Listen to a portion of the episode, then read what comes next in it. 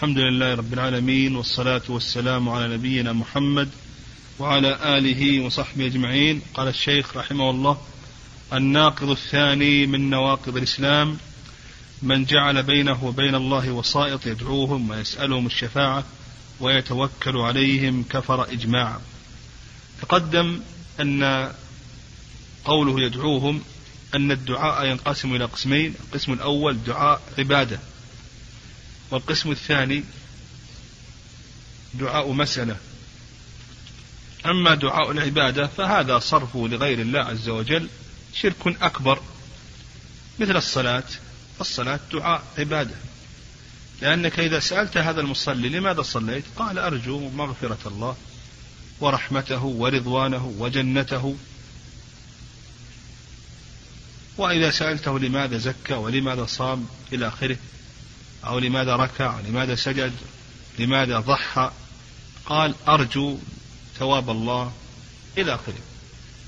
فهذا دعاء العبادة دعاء بالحال. دعاء المسألة هذا ينقسم إلى أقسام. يعني دعاء المسألة يقول بأنه ينقسم إلى أقسام. القسم الأول في المطلوب. القسم الأول في المطلوب أن يكون مما لا يقدر عليه إلا الله عز وجل. يعني إذا دعوت مخلوقا شيئا لا يقدر عليه إلا الله عز وجل فهذا شرك أكبر مخرج من الملة. كما لو طلبت من شخص أن يرزقك ولدا أو ينزل الغيث أو يجري السحاب أو غير ذلك فهذا لا إشكال شرك أكبر لأنه ما دعاه أو سأله هذا السؤال إلا وهو يعتقد أن له تصرفا خفيا في الكون لأنه الآن صرف شيئا من خصائص الربوبية لغير الله عز وجل. القسم الثاني في كيفية الطلب. نعم القسم الثاني في كيفية الطلب. وذلك أن يسأله بكمال ذل وكمال حب لا يكون إلا لله عز وجل لأن كمال الذل وكمال الحب هذا يكون لمن؟ يكون لله عز وجل فقط ولهذا آه، ذكر شيخ الإسلام تيمية رحمه الله أن العشق فيه آه، نوع من الشرك. لماذا؟ لأن هذا العاشق قام في قلبه من الذل للمعشوق ما لا يكون إلا لله عز وجل. فالقسم الثاني إذا سأل بكمال ذل وكمال حب إلى آخره فنقول بأن هذا شرك أكبر. القسم الثالث كلامنا عن المسائل ها؟ كيف؟ طيب نكمل. طيب نكمل. طيب. آه، القسم الثالث أن يكون برغبة أو رهبة لا تكون إلا لله عز وجل. يعني أن يسأل هذا المخلوق برغبة أو رهبة لا تكون إلا لله عز وجل. فهذا أيضا نقول بأنه شرك أكبر. نعم شرك أكبر. القسم الرابع أن يكون المدعو بعيدا عن الداعي. القسم الرابع أن يكون المدعو بعيدا عن الداعي. مثلا هو مثلا في مكة وتسأله أعطني ماء يا فلان أعطني ماء ومثل ذلك الآن اللي يسألون الأولياء. تجد تنزل فيه القربة تجد أن الولي في مكان كذا ويسأله هذا لو كان حيا يكون شرك أكبر فكيف أيضا وهو ميت؟ لو كنت بجانبه وهو ميت كما سيأتينا في الأقسام هذا شرك أكبر. فإذا كان المدعو بعيدا عن الداعي نعم هذا نقول بأنه شرك أكبر. لماذا؟ لماذا شرك أكبر؟ لأن اتساع السمع لسماع البعيد. هذا من خصائص من؟ خصائص الله عز وجل. ما أحد يتمكن سماع البعيد إلا الله عز وجل. الله عز وجل هو الذي يعلم ويسمع كل شيء. أما المخلوق ما يسمع كل شيء. فاتساع السمع لسماع البعيد هذا خاص بالله عز وجل. ولأن أيضا كونه يدعوه يدعوه وهو في مكان بعيد هذا فيه أو فيه شيء من كونه اعتقد الآن أن له تصرفا في أي شيء تصرفا في الكون. القسم ال ال الخامس يعني القسم الخامس أن يكون المدعو ميتا أن يكون المدعو ميتا. فإذا دعوت هذا الميت حتى ولو كان فيما يقدر عليه في حال حياته لو قلت لهذا الميت أسقني ماء إلى آخره. فنقول بأن هذا شرك. نقول بأن هذا شرك أكبر. نقول بأنه شرك أكبر مخرج من الملة. وكونه شركا أكبر هذا ظاهر لأنك ما دعا هذا الميت الذي الآن فقد الأسباب الحسية المباشرة ما دعاه إلا وهو يعتقد أن له تصرفا خفيا في الكون تصرفا خفيا في الكون. القسم السادس أن يدعوه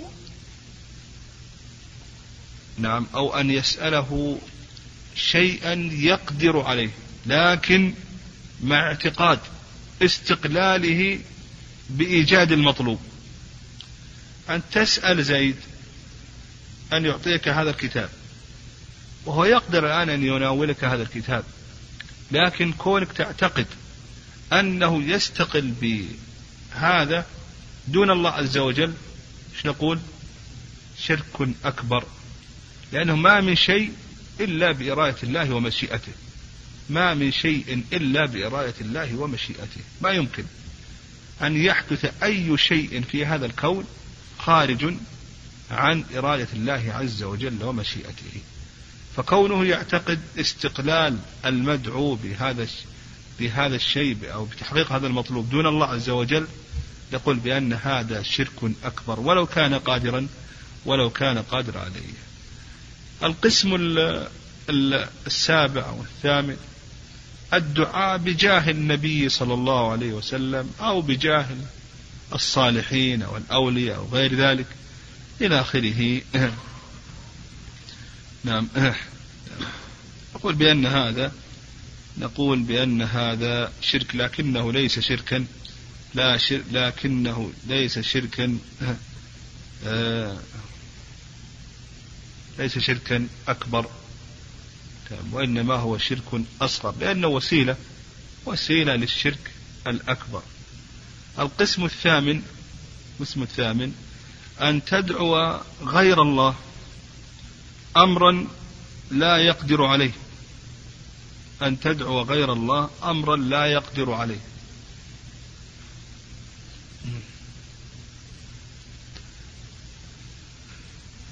يعني هو هو في مقدور المخلوق لكن هذا الشخص لا يقدر عليه. تسأله شيئا لا يقدر عليه. فهذا جعله بعض أهل العلم من الشرك الأصغر لأنه من باب ظن الشيء سببا وليس سببا. قال والصائط يدعوهم ويسألهم الشفاعة. يعني طلب الدعاء من الميت. يعني إذا ذهب الإنسان لقبر شخص ولي أو صالح أو غير ولي إلى آخره وسأله أن يشفع له عند الله عز وجل أن يدعو له عند الله عز وجل أن يغفر له. هل هذا شرك أكبر؟ أو نقول بأنه ليس شركا أكبر إلى آخره؟ هذا اختلف فيها العلم رحمه الله. والله تطرقنا لهذه المسألة. ها؟ وقلنا في هذه المسألة رأيين. الرأي الأول أنه شرك أكبر وهذا قال به الشيخ عبد الرحمن بن حسن والشيخ أيضا عبد اللطيف بن عبد الرحمن بن حسن من أئمة الدعوة. والرأي الثاني أنه ليس شركا أكبر. يعني وهذا رجحه شيخ الإسلام تيمية رحمه الله وهذا القول هو الصواب أنه ليس شركا أكبر. هذا ما ذهب إليه شيخ الإسلام وهو الصواب. قال ويتوكل عليهم كفر إجماعا. التوكل في اللغة الاعتماد. التوكل في اللغة والاعتماد وأما في الاصطلاح فهو صدق الاعتماد على الله عز وجل. نقول في الاصطلاح صدق الاعتماد على الله عز وجل في حصول المطلوب ودفع المكروه مع الثقة به وفعل الأسباب.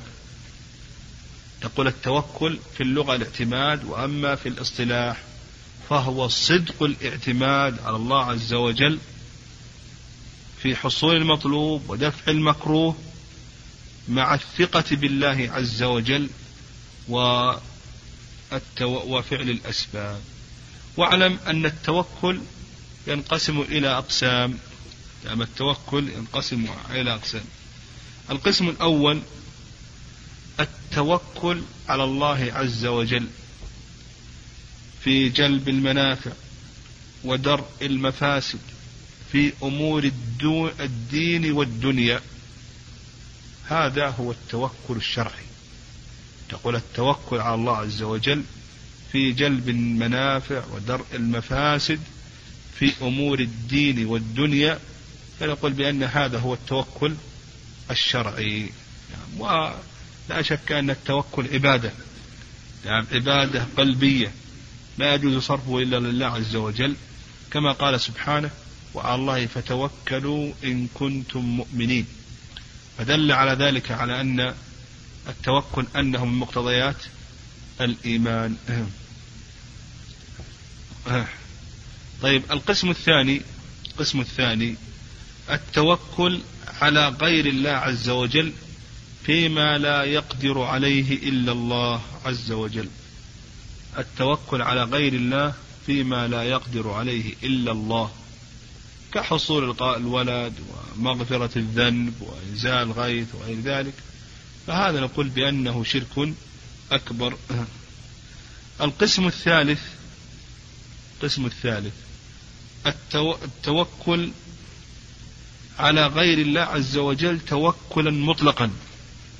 نعم توكلا مطلقا. ها فنقول أيضا هذا شرك أكبر. يعني كونه يتوكل عليه توكلا مطلقا.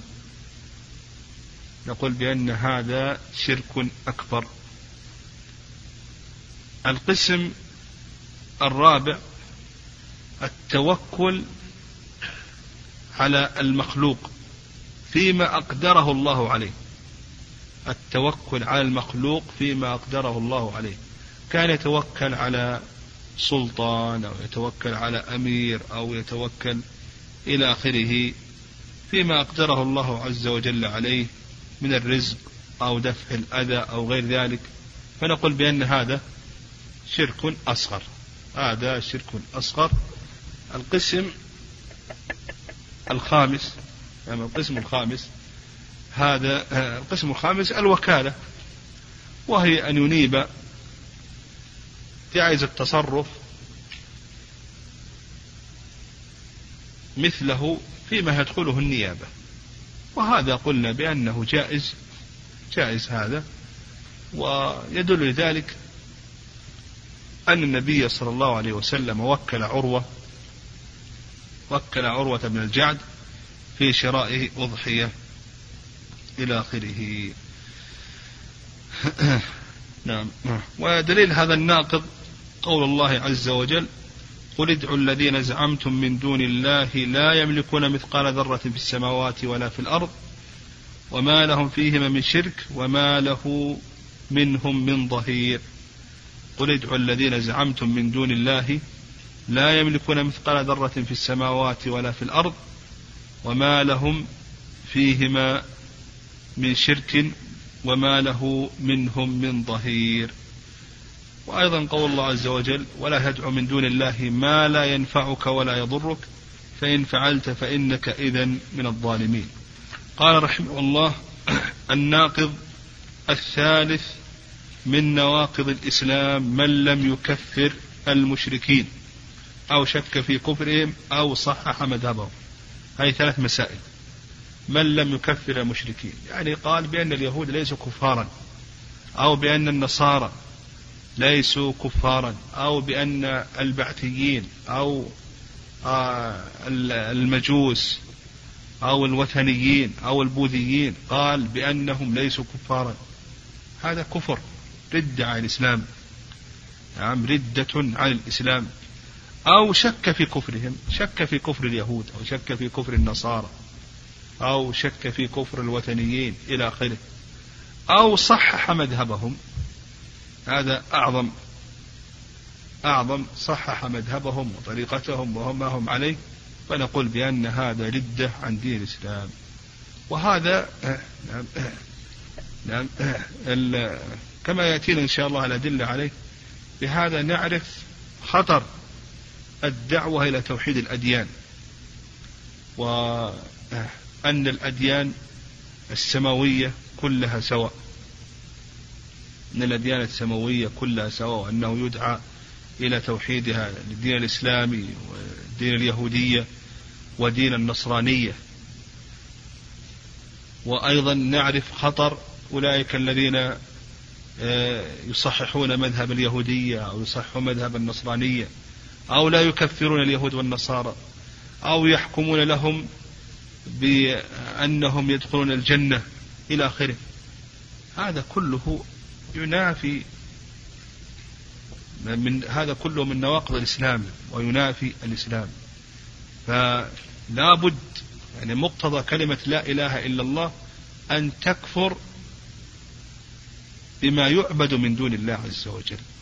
ولهذا قال الله عز وجل فمن يكفر بالطاغوت ويؤمن بالله فقد استمسك بالعروة الوثقى. لا بد من الكفر بالطاغوت. لا بد أن تكفر بالطاغوت. يعني ولا شك أن اليهودية طاغوت وأن النصرانية طاغوت وأن كل ما سوى دين الإسلام أنه أنه طاغوت يجب الكفر به. والله عز وجل يقول إن الدين عند الله الإسلام. ويقول سبحانه ومن فحصر الدين كله في أي شيء؟ في الإسلام. ويقول سبحانه ومن يبتغي غير الإسلام دينا فلن يقبل منه. وفي صحيح مسلم عن النبي صلى الله عليه وسلم أنه قال من قال لا إله إلا الله وكفر بما يعبد من دون الله فقد حرم دمه وماله وحسابه على الله. فلا يحرم الدم والمال بحيث أنه يكون مسلم إلا بأي شيء قال لا إله إلا الله وكفر بما يعبد من دون الله. بما يعبد من دون الله. فقد حرم دمه وماله وحسابه على الله.